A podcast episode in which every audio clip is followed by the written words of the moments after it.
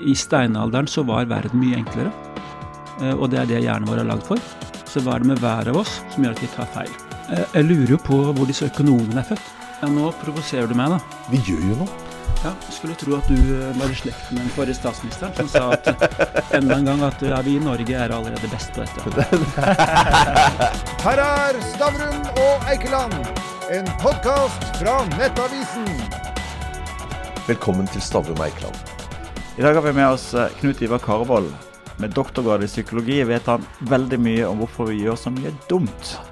Da lurer vi på hvorfor begynner folk å røyke når de vet at røyk dreper?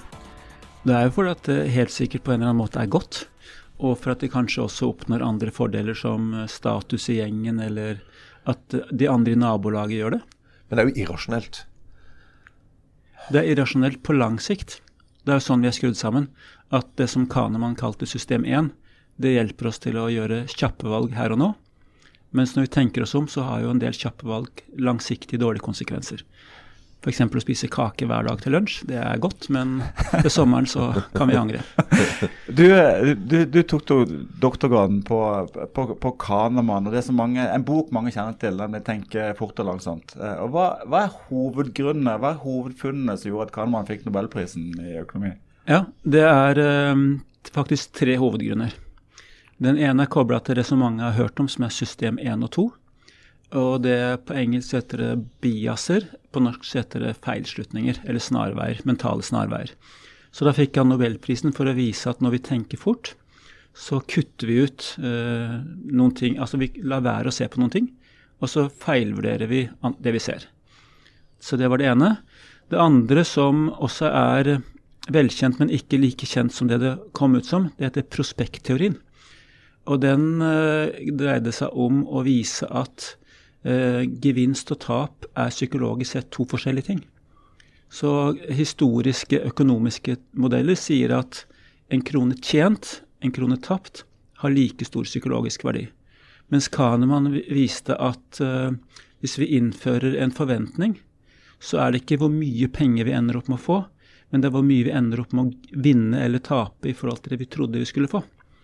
Så sånn sett så er da den, det han kalte tapskurven, den er mye brattere enn gevinstkurven. Så at når vi taper la oss si 1000 kroner, så føles det mye mer smertefullt enn det føles gledelig å vinne 1000 kroner. Så det er ikke, gevin, gevinst og tap er ikke det samme. Men er ikke det menneskelig? Altså, jeg, jeg hater å tape penger. Mm. Eh, Det er selvfølgelig veldig gøy å, å, å tjene penger også, men, men, men det, det å tape penger, det er vondt, altså. Jo, det er det. Og så er det så viser jo all psykologien at alt som er negativt, det er mye større plass i bevisstheten vår. Så når vi ser noe som vi tror er farlig eller negativt, så kommer de signalene kjappere inn til hjernen. Eh, Når vi å, når vi skal huske på noe, så kommer dårlige minner kjappere frem enn gode minner. Og så er det sånn at alt som skurrer, det tenker vi mer på enn det som stemmer. Så eh, i, nobelforedraget sitt så skrev Kahneman om at dette har hatt en evolusjonsmessig gevinst. Så de, de av oss som var optimister opp, opp, opprinnelig, de genene overlevde ikke. Mens de av oss som var skeptiske til de nye folka vi møtte, de som så farer før de andre, de som lurte på hva som kunne gå galt i morgen, det, det var åpenbart veldig smart før i tiden. da. La oss gå gjennom, Du nevnte tre. Vi avspurte deg før du fikk si den tredje tingen. Hva, hva var det den siste? Jo, det var jo fordi han bygde bro mellom to fagområder, som er økonomi og psykologi. Så sammen med Tversky og de andre atferdsøkonomene, så lagde de nye begreper og modeller som gjorde at begge fagmiljøene kunne snakke sammen. Sånn at det vi så takket være Kanemann, var den nye eh, atferdsøkonomien, eller økonomisk psykologi. Så det er noe helt nytt som oppstod da for ca. 20-30 år siden. Sånn, I klassisk økonomi så forutsetter man at folk er rasjonelle. Og så viser det seg at det er vi jo på ingen måte. Sant? Som du, du sier, så er vi mer redd for å tape 1000 kroner enn glad for muligheten til å tjene 1000 kroner. Men la oss gå tilbake til det system, system 1 og system 2 og det som man på en måte har kalt steinalderhjernen. Kan, du- kan du gi noen eksempler på feilslutninger der? Det kan jeg gjøre. Og så er det helt riktig at det er steinalderhjernen. Eh, og så er det et paradoks at når vi ser rundt oss her i studio, på mange arbeidsplasser, så er det veldig mye teknologi. Og teknologien er faktisk ny og oppdatert, for at vi vet at det er et eh, konkurransefortrinn. Mens når vi ser på teknologien inni oss, så er ikke den oppdatert vesentlig på 100 000-150 000 år. Så det er det ene. Det er hardwaren vår, hjernen og nervesystemet.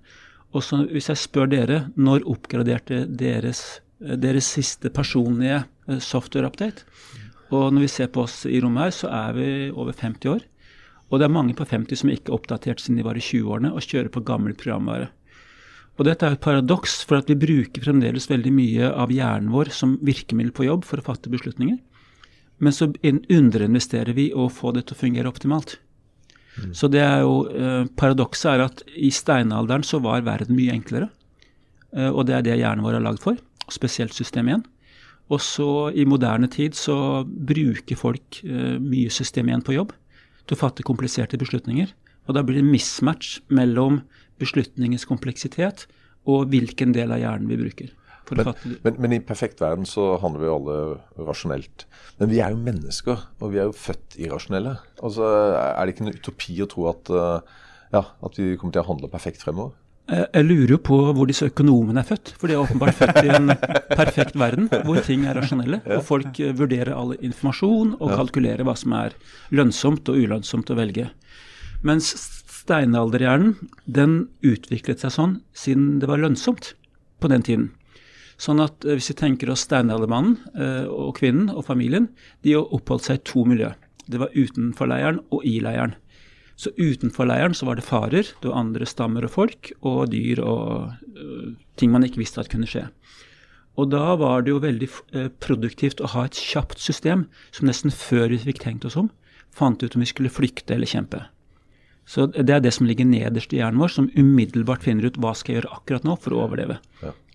Og så, når de kom inn i leiren, så var det sikkert fornuftig at de så på stjernene og inn i flammene og brukte forskjellige substanser for å få innsikt. Men da tenkte jeg gjennom hva skal vi gjøre på lang sikt for å overleve sammen som stamme. Hva lærte vi i dag, og hva skal vi gjøre i morgen? Og Det er jo de prinsippene som system 1 og system 2 bruker i dag. Uh, sånn at Det som Kahneman fikk mye oppmerksomhet for, var jo å vise at selv de smarteste som tror de velger riktig, tar feil. Det er veldig finurlig og morsomt, ikke sant? Å vise at folk eh, ikke er så smarte som de kan håpe på. Mens det, mens det han ikke fikk så mye anerkjennelse for, var jo å vise at dette er rasjonelt. Så at eh, Du spurte jo om hva er de mest typiske feilslutningene. Jo, den ene er eh, bekreftelsesfella. Det at vi tror at det vi allerede vet, er, er sant hele tiden. Så forestillingene våre overstyrer fakta. Og så er det selvtillitsfella, som gjør at vi tror at vi har mer rett enn andre. Og så er det likhetsfella. Og så er det fokusfella og hukommelsesfella. Så de, de, henger litt sammen. Sånn at det som er produktivt, da er jo at når vi møter kjente situasjoner, så er det ikke vits å tenke på de på nytt igjen. Da er det bedre å ta frem et gammelt kart og si at dette er omtrent som før, og jeg gjør det samme som jeg gjorde i går. Da sparer vi mental kapasitet. Så en av hovedoppgavene til system 1 er å unngå å tenke for mye på ting som ikke er viktig. Men heller bare lage, la det autopiloten ta seg av det. Slik at vi frigjør kapasitet til mer avanserte problemer og løser vanskeligheter som eh, er foran nesa vår. Eh, du har eh, jobba på BI og hatt med mange ledere å gjøre. Mm. Tar de beslutninger med system 1 eller system 2 i hverdagen? Begge to. Sånn at de virker sammen. Så hvis vi ser på hverdagen til en leder, så består jo ofte morgen, morgenkvisten av å ta en kikk på e-posten og sortere ut hva som er viktig og uviktig. Og der er jo system 1 inne i farten, og bare sortere ut det vi ikke skal se på, og, og fokusere på hva vi skal velge å se nøyere på. Så det er jo egentlig at system 1 sparer oss for tid. Så problemet oppstår jo La oss si at på veldig mange arbeidsplasser så er det jo grupper som er ansvarlig for å fatte beslutninger. Mm. Og da blir jo spørsmålet eh, har system 1 noe å si i grupper og i møtesituasjoner. Så da var jo eh, sitt utgangspunkt var at han så på enkeltpersoner. Så hva er det med hver av oss som gjør at vi tar feil? De fleste ledere er opptatt av folk, sånn at de investerer nokså liten tid helt generelt på å forberede seg på møter. Altså I covid-tiden og ellers så forteller ledere meg at uh, outlooken er teppebomba med møter, og det er ikke noe tid mellom møtene. Så den tiden de har til å forberede seg, den er jo på kvelden før. Sånn at det all erfaring viser, viser, er jo at når man får tenkt seg om et par ganger selv, og spesielt begynner å lure på om man har skjønt alt riktig, så, så er det ikke system 1 bare som funker, men da begynner vi å tenke med system 2. Så alle forberedelser er en god ting. Men hvis vi da tenker oss at folk møter uforberedt på et møte med andre, og så har man en saksliste, og så er det mange sier uforberedt. Det betyr jo egentlig skyte fra hofta, eller bare si noe for man tror noe virker sant. Og da er det sånn at en felle i møter er at førstemann som snakker, setter agendaen. Så da kaster andre seg på, og så snakker man om det, selv om det ikke er relevant i forhold til agendaen. Så det heter på psykologispråket en kaskade eller en bølge. Vi kan liksom forestille oss at i det møtet mellom oss, da, så du spør Gunnar, og så kaster vi oss andre på det spørsmålet, men så glemmer vi de andre spørsmålene jeg har på lista. Det er å bli revet med. Og det andre er jo at uh, alle beslutningstagere er sosiale dyr. Så selv om man har en oppfatning, så veier man hele tiden om den oppfatningen vil bli populær. For man vil jo selv være populær.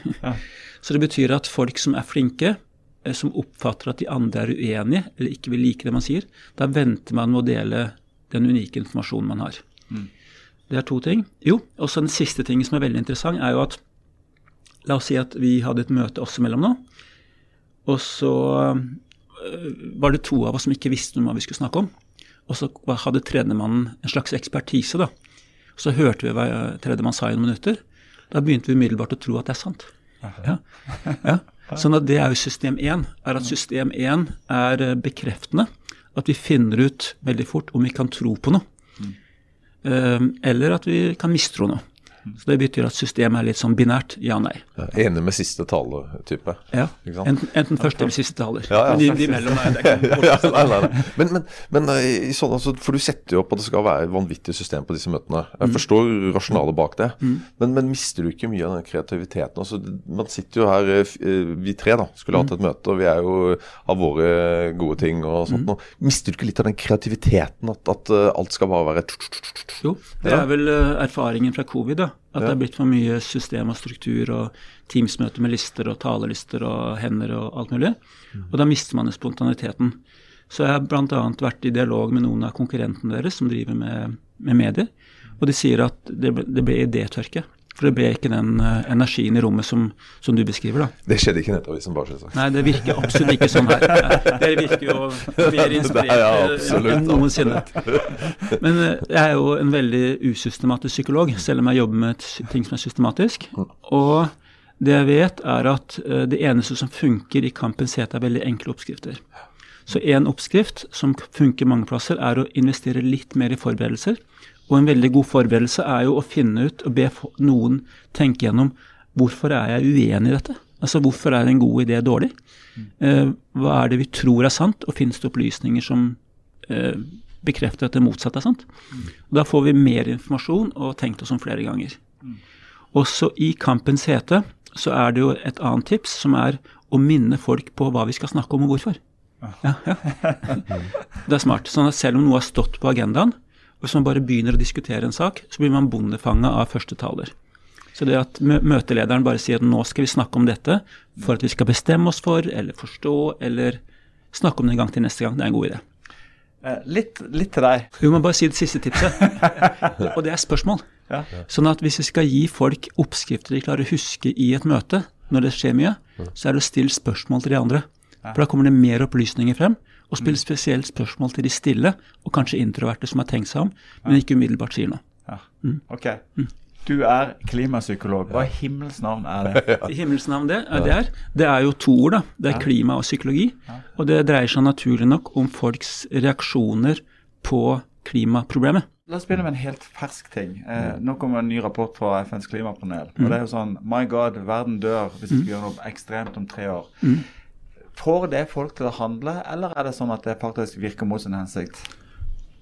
Ja, nå provoserer du meg, da. Ja. Uh, det, jeg, jeg, var på flere klimadebatter uh, like etter at den rapporten om klimaforhandlinger kom i høst. Så først var det den rapporten, mm. og så var det den andre rapporten om naturødeleggelser. Mm. det er to forskjellige ting, men det henger sammen. Og så mm. kom det nå en løsningsorientert rapport. Mm.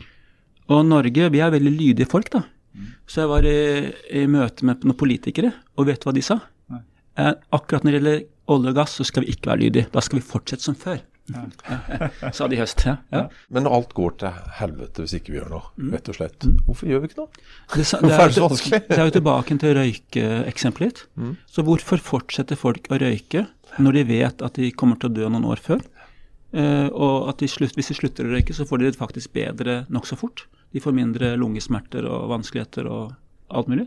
Så det er jo at system 1 kjører oss mot det vi umiddelbart vil ha, men system 2, da kan vi ta ting i betraktning på lang sikt. Så det som er uklart i, i forhold til de fleste sin oppfatning av Kahneman, er jo at han, han sier jo at system 1 og 2 spiller sammen. Så det betyr jo at alle de forestillingene vi allerede har i hodet om hva som er et godt liv, en riktig verden, de er jo med og overstyrer i nye valg i første omgang. Så det å få til noe nytt, det krever ekstra energi og ekstra innsats. Sånn at det vi holder på med nå, i den store sammenhengen, ser ut som å være å fortsette som før. Så ser vi spede forsøk på noe annet. Og så er det noen som tenker at vi må ta den enda lengre. Og så, det, så skapes det det vi trenger minst. For når vi ser på et annet ord da, som heter bærekraft, der har vi jo minst tre dimensjoner, som er økonomisk bærekraft, miljømessig bærekraft og sosial bærekraft.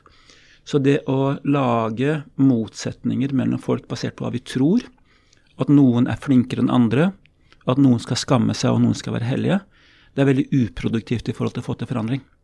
Så bare tenk deg, Hvilken arbeidsplass er det som lykkes med å, å skamme folk og, og, si at vi som er sånn, vi er, eh, ja, er mer hellige enn dere som gjør noe annet? I, I Norge så ligger vi jo veldig langt fremme. Altså Vi har hatt uh, miljøorganisasjoner som, har, uh, altså, som Bellona bl.a., som ligger der og har vært og pressa på i mange titalls år. Mm. Du har myndighetene som er med. Du har NTNU og Universitetet i Rogaland som ligger langt fremme på forskning på nye bærekraftig teknologi. Mm. Og vi har et næringsliv som, som er der. Og nå mm. er det masse selskaper som ligger klare til å eksportere disse teknologiene ut i Europa og, og kanskje USA. Så, så, så lille Norge vi gjør jo noe. Ja, skulle tro at du eh, var i slekt med den forrige statsministeren, som sa at enda en gang at ja, vi i Norge er allerede best på dette.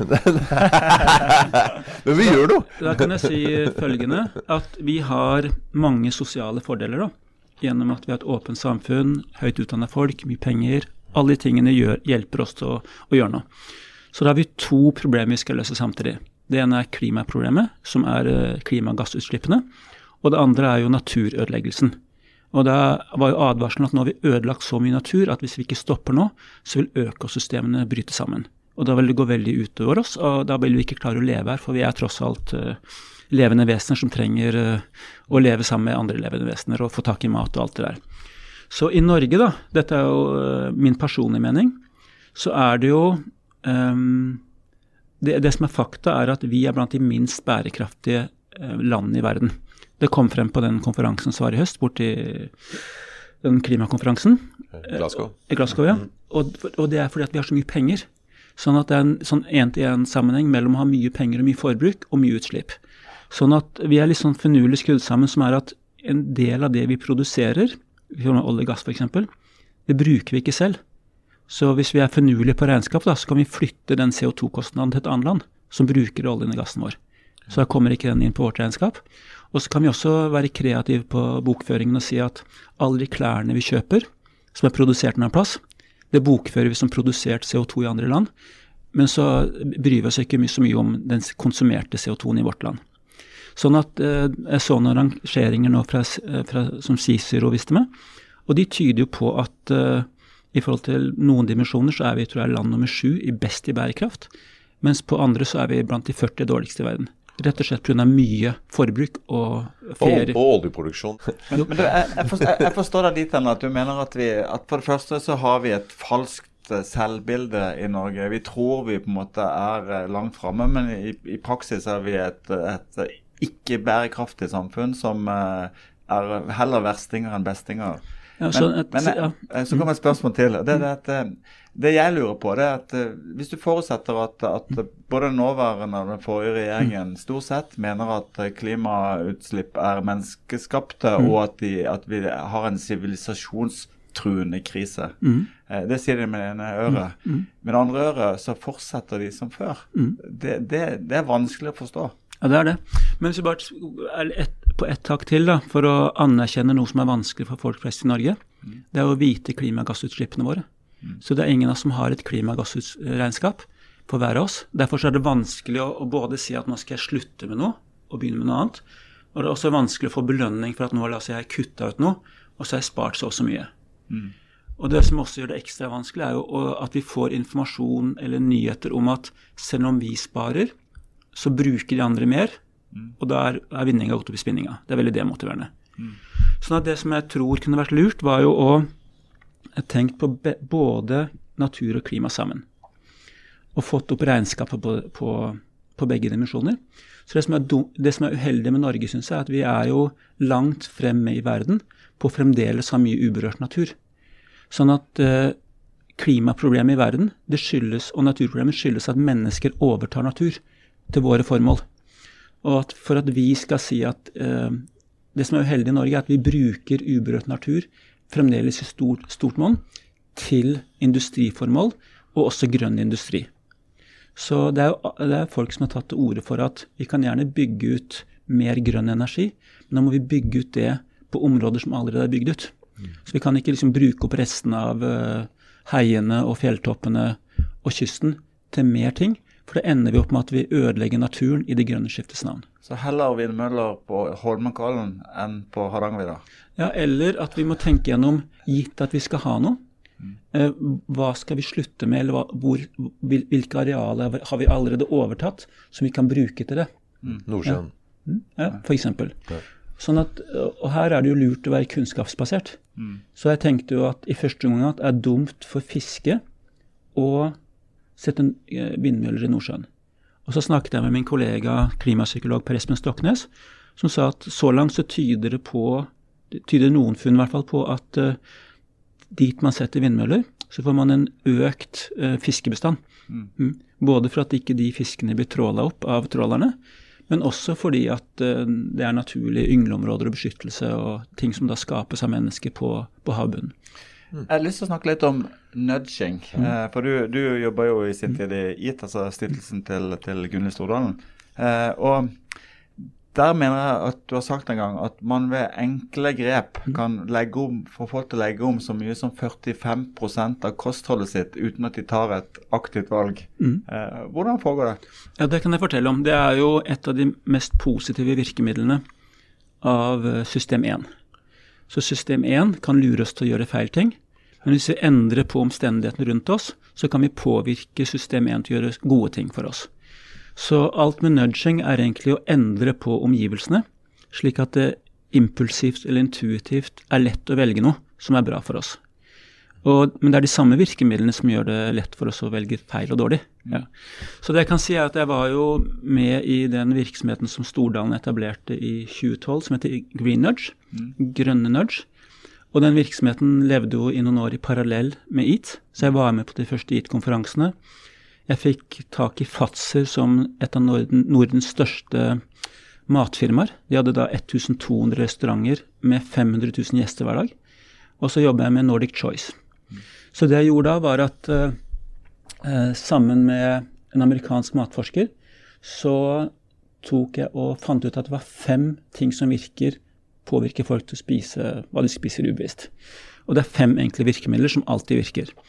Så jeg holdt jeg på med det noen år, og de virka veldig konsistent. Så det tallet 45, det husker jeg kom fra en sånn pilot vi gjorde borte i Finland. Da endra vi på rekkefølgen på kjøtt og, og vegetar og grønnsaker. Og plutselig så ble vegetaren 45 mer populær. Rett og slett for at den kom først. Men hva er de fem? For det, ja. Størrelsen på tallerkenen, er det en av de? Ja, det er en del av en, en, et hovedvirkemiddel. Så jeg kan ta det som er lett å huske. På engelsk er alle disse ordene på P. Det, det var, fant ut det var en god idé for å kommunisere det. Så på norsk så er det plassering. Så før jeg sier det, så bare tenk på steinaldermannen. Hvordan så ut livet hans, og hvordan overlevde han? Og Det er de samme P-ene som virker på oss, som på steinaldermannen. Det er plassering, det er hva vi ser først, og som er lettest å få tak i med hendene. Og så er det det som er riktig størrelse. For steinaldermannen måtte være klar til kamp, så da, hvis han fant litt bær og man putta i taska, så var det bedre enn en sånn svær eh, annen ting. Ja. Så det at det er praktisk og riktig porsjonert, er den andre P-en.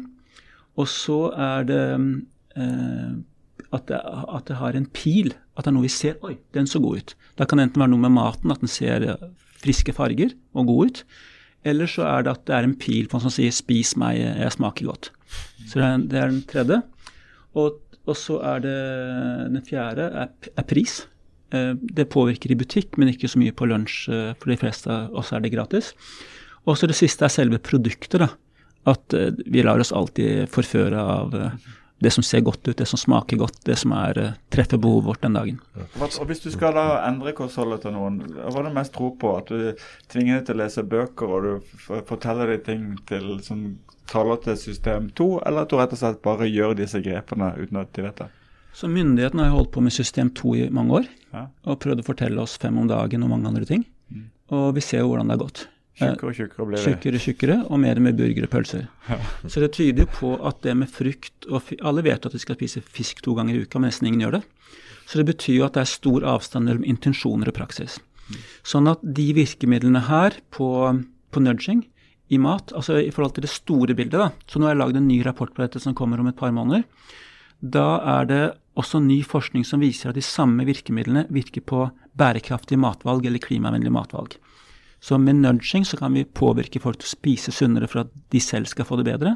Men vi kan også påvirke folk til å redde verden ved å spise mer grønnsaker og andre bærekraftige ting som fisk. Og det er de samme virkemidlene som virker både på sunnhet og på, på bærekraft, for dette er ubevisst. Sånn men hvem skal gjøre dette? Hvem sitt ansvar er det? Er det at vi skal gå rundt og være selvnudgere i dagligvarebutikken og på kantina? Det er jo ikke sånn det fungerer. Så det er de som eier utsalgsstedet eller den konteksten vi fatter beslutningen i, som påvirker oss. Så det betyr jo at alle matvareleverandører, matfirmaer på mat, de påvirker matvalgene våre. Sånn at det som eh, jeg lærte i, i tiden, er at mat, og det er så nye tall på nå, det står for omtrent 20-35% av jordens eh, klimagassutslipp. Så det, det å få gjort noe med matsystemet og matvalgene, det er en veldig viktig del av klimaløsningen. Og så kan vi jo da lure på hva har nudging med det å gjøre? Jo, nudging er en finurlig mekanisme. fordi at matprodusentene vil jo se at vi må jo lage og selge det folk vil spise. Mens med nudging så kan vi påvirke hva folk spiser, som i neste omgang påvirker hva det er lønnsomt å produsere. Det er magisk. ja. Er det lønnsomt for uh, hotellene? Det spørs jo hvordan man regner på råvare. da. Sånn at uh, det finurlige der var at i Norge, der vi har så mye fisk, så subsidierer vi kjøttet veldig. Ja. Slik at de norske kokkene de syntes at det var en god idé å nudge ned kjøttet. Men svenskene, der fisk var relativt sett dyrere, det var luksusmat, de ville ikke nudge opp fisken. sånn at dette viser jo at uh, nudge påvirker konsumentene uansett. Altså vi er blinde i gjerningsøyeblikket, vi bare tar det vi ser og det vi har lyst på og det som virker fint. Den tallerkenstudien viser jo at når tallerkenen er stor, så fyller vi opp mye. Vi fyller opp til det er fullt. Og, hvis vi da og da kaster vi resten, for det er ikke plass i magen. Men hvis vi reduserer tallerkenstørrelsen med det var 10 husker jeg, da gikk matsvinnet ned med 20% Så fra 24 til 20 cm tallerkener på buffeen, da ble porsjonen riktig til lunsj, og folk kasta mindre mat. Så gir det bedre helse. For Ja, absolutt. Ja. Så dette er eh, utelukkende vinn-vinn-løsninger. Så vi har nå holdt på med nudging i 15 år. 2008 kom boka. Og i år så kom det en ny oppsummeringsartikkel fra noen forskere som har sett på all nudge-forskningen. Så det Taylor og Sunstein var opptatt av med nudge-boka, var å si at vi kan påvirke folks helse, eh, spareatferd, miljøatferd og et par ting til. Og da var det noen forskere som så på hva, hva viser forskningen. Og det som var positivt da, var at det viser seg at mat er lettest å påvirke. Altså mat, mange valg per dag. Lite vi tenker oss om, vi bare gjør det. Vi forsyner oss i butikken og på buffeen. Og så ender vi opp med at vi er passe godt fornøyd. Sånn at det betyr at i forhold til å redde klimaet, eh, samtidig som vi kan redde folks helse, så er det med nudging av mat en veldig viktig løsningsstrategi. Du sa i et foredrag at, eh, at du kan, vi kan se nesten på klimakrisen litt som vi ser på pensjonsordninger eller slanking. Altså systematisk så velger vi umiddelbar belønning. Jeg har lyst på sjokolade nå, eh, og så uten å bry deg om de langsiktige kostnadene. Eh, er det også ting du kan nudge? Ja, eh, igjen da så er det spørsmål hva vi skal påvirke. Så det som gjør klimaproblemet så viktig å nudge, er jo at eh, for det første så er problemet, hvis vi tenker på de to store problemene, natur og klima, så er jo natur mye mer objektivt. Altså vi kan se naturen nå. Vi kan se at La oss si at der det var en, en kolle før i tiden med noen trær på, så er det nå en parkeringsplass eller et fabrikkbygg. Så da blir det mindre. Det er objektivt. Mens det med klima er jo veldig mer abstrakt. At vi ser ikke CO2-en som vi slipper ut. Og så prosesseres den og kanskje ender opp på en annen plass på jorda. Og så får vi en tilbakeslagseffekt, ikke nå, i morgen, men kanskje om noen år. Ja. Ikke i form av at det blir varmere, men at vi får en storm eller en, et jordskred. Så det betyr at selve bevisstheten vår da, eh, er ikke skrudd sammen for å skjønne sånt. Ja. Vi er skrudd sammen for steinaldertiden, og da hadde dere ikke det problemet. Men altså, på, på søndag da var jeg steinalder, altså, for vi er jo svake mennesker hele gjengen. Eh, Snakk for deg da, jeg trodde han var rasjonell. Ja, ja, ja, Kan du Han er økonom. Du, da da, da snakka vi om eh, hvor sunne vi skulle være og sånt og til frokosten på hotellet i London. Ja. Og på fly hjem, hva gjorde vi? Vi var fire stykker. Alle satt med chipspose, alle satt med sjokolade.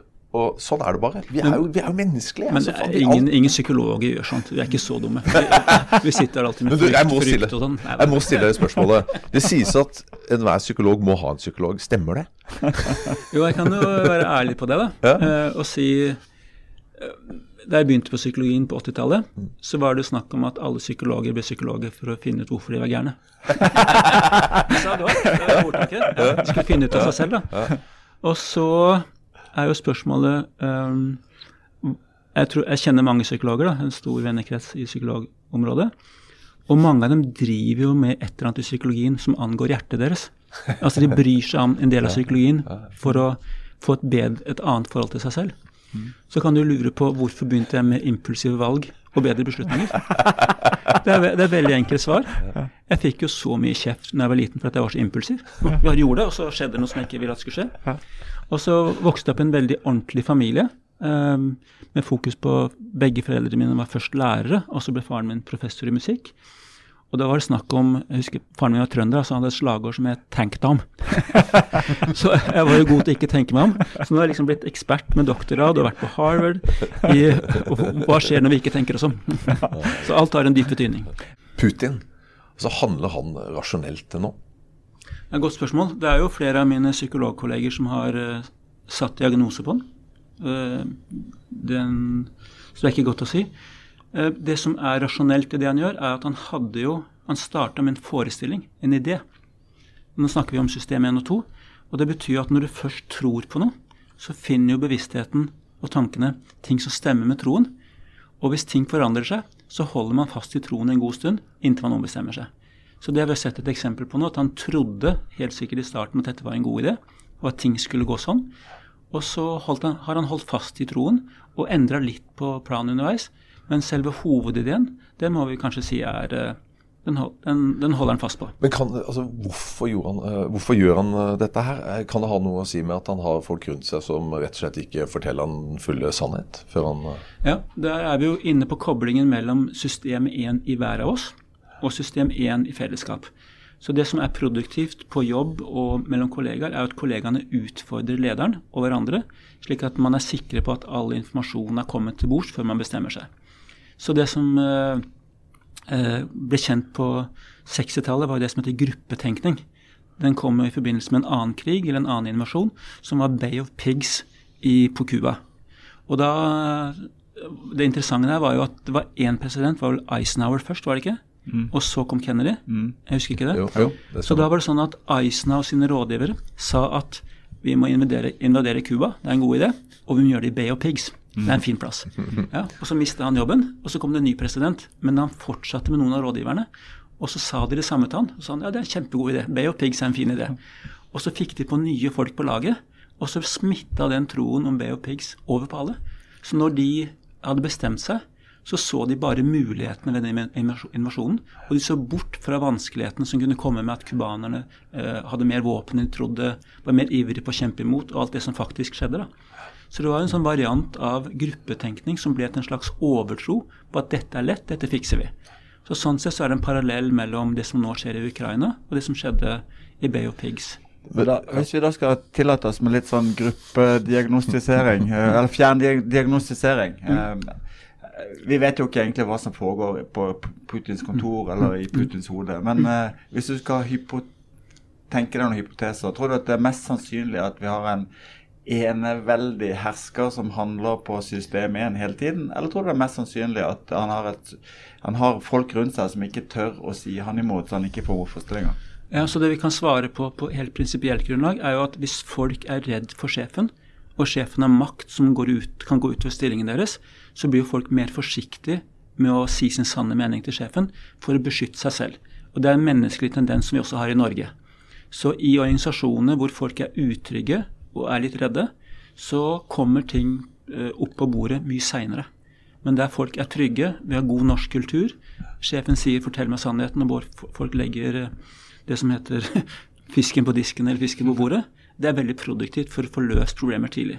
Så ut fra de bildene vi har sett i media, at Putin sitter på én ende av bordet, de andre sitter på en annen ende, på litt lavere stoler, så er det en type statusforskjell som indikerer at han har mer rett enn de andre, og at de andre er hans undersåtter. Og da stimulerer man jo folks ideer om hvordan er det smart å være undersått, for at man skal være undersått lenge, så lenge som mulig. Ja. Men uh, vi kan jo trygt si at Putin han er en alfahane. hvordan stopper man en alfahane? Jeg, jeg, vet ikke. altså det, jo, det som er med alfahanner, er jo at hvis man prøver å stoppe dem med samme maktmidler som en alfahann bruker, så bruk, blir du enda mer alfahanner. For det er det som er løsningsstrategien. Så nå er vi mer inne på den emosjonelle delen av atferdsøkonomien, som er at det folk gjør med andre folk, får de tilbake igjen. Så hvis jeg begynner å argumentere med dere, så smitter jeg dere med argumentasjon. Hvis jeg begynner å stille dere masse spørsmål, så begynner dere å stille spørsmål tilbake igjen. Så det ledere får, det er jo det de gir til andre tilbake igjen. Så hvis de vil ha lydighet og enighet, så, og bestiller det, så, så, får de jo mer av det enn motforestillinger. Sånn at det, det, jeg tror det også er snakk om I Norge så har vi en veldig egalitær kultur, av likhetskultur, hvor det er legitimt å utfordre folk lenger opp i systemet. Og at uh, mange ledere verdsetter at folk er ærlige, og at de får vite hvordan ting egentlig ligger an. Uh, så vidt jeg får skjønt, så er Russland en mye mer autoritær og hierarkisk kultur, med mye større respekt for de som er lenger oppe i systemet. Som da gjør at underståttene skjuler ting og ikke forteller om problemer i frykt for at sjefen skal bli sint eller skuffa. Du brukte, du sa respekt, jeg vil si redsel. Ja, redsel, ja. Så det med frykt, uh, frykt og tillit som to motpoler mm. Hvis vi skal ha bedre beslutninger gjennom systemet igjen, så går veien til et smartere system igjen via, via faktisk tillit. Og at folk føler seg trygge på at de kan si det de vil. En del kjenner jo det fra sosiale medier og må ha dukka over begrepet psykopizza. Hva i all verden er det? Ja, Det er også helt selvforklarende, akkurat som klimapsykologi. Det er to ord. Det er psyko og pizza. Ja. Jeg må si at psykopizza høres mye verre ut enn psykopizza. Det er helt enig. Jeg vil ikke på psykopizza. Jo, psykopizza det er um, meningsfulle samtaler rammet inn av gode pizzaer. Mm. Så det tar utgangspunkt i at de fleste av oss er undersnakka i livet vårt. Det er en god del ting vi ikke får reflektert over og drøfta med oss selv og de rundt oss. Og så mangler vi møteplasser for å gjøre det.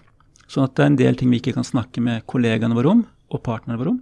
Så da har vi organisert eh, konferensielle, åpne, lekne samtalegrupper med ulike temaer. Og der vi har spørsmålskort, kanskje en liten innledning fra meg eller en annen psykolog. Og da snakker vi om det temaet. Og det interessante er at det er blitt veldig populært blant ungdom. Så vi har hatt det på noen pizzarestauranter, bl.a. oppe i, i Lofoten. Og da har det vært 80% ungdommer som har kommet. Og så hadde vi et kurs nå nylig som heter Heltens reise. Og da var det også 80% ungdommer, ungdommer som dukka opp. Ja, men altså, blant ungdom også, så, så, er det jo mange som, som sliter psykisk. Ja. Um, når vi var unge, mm. så, så, var det iallfall ikke så mange som snakka om det. Mm. Um, var det fordi at vi, vi, vi, vi tidder i hjel før, eller, er, eller, har det blitt for mye snakk nå at mange tror at, har, altså at, at de har et problem? Altså at, at vi, har gått over the top, at det er blitt for mye snakk. Så altså det minste lille feil-greiene Så ok, da, da, må du gå og snakke med en psykolog, eller du, du, du har et mm. psykisk problem. Ja, det er jo et stort spørsmål ja, som ikke absolutt. er innenfor min ekspertise. Men det jeg vet og har hørt, er at det er en epidemi med depresjon over hele verden. Mm. Spesielt i den vestlige verden. Og det er sammensatte årsaker. Nå jobber jeg sammen med en australsk matforsker som heter Felice Jacka, som har sett på at kostholdet vårt gjennom livet også påvirker mental eh, stabilitet, og depresjon spesielt. Og så har jeg også satt meg i en annen forskning som viser at eh, det er mangel på forbindelse til oss selv og mangel på forbindelse til andre som gjør at vi er sosialt underernært og blir trist og engstelig og føler oss alene. Uh, og det interessante er jo at jeg så en studie, jeg husker ikke akkurat tallene og årstallene, men de siste 15 årene så er det blitt en epidemi av depresjon og angst blant barn og unge i USA, og også i Norge. Og jeg tenker jo at det skal mye til å snakke på seg så mye depresjon som de tallene viser. Så det kan jo være at før i tiden så var det noe man skjulte, men det virker som det er noe med samfunnet vårt nå som øh, skaper dette. Og det er noe med forbindelsen også mellom, og nettverkene og den sosiale tryggheten folk føler i forhold til uh, sitt eget liv, som da er med å gjøre dette verre. Mm. Ivar, eh, vi må sette strek, men vi må invitere deg tilbake igjen her. Men, og neste gang da blir det med pizza. Da kan vi ha psykopizza.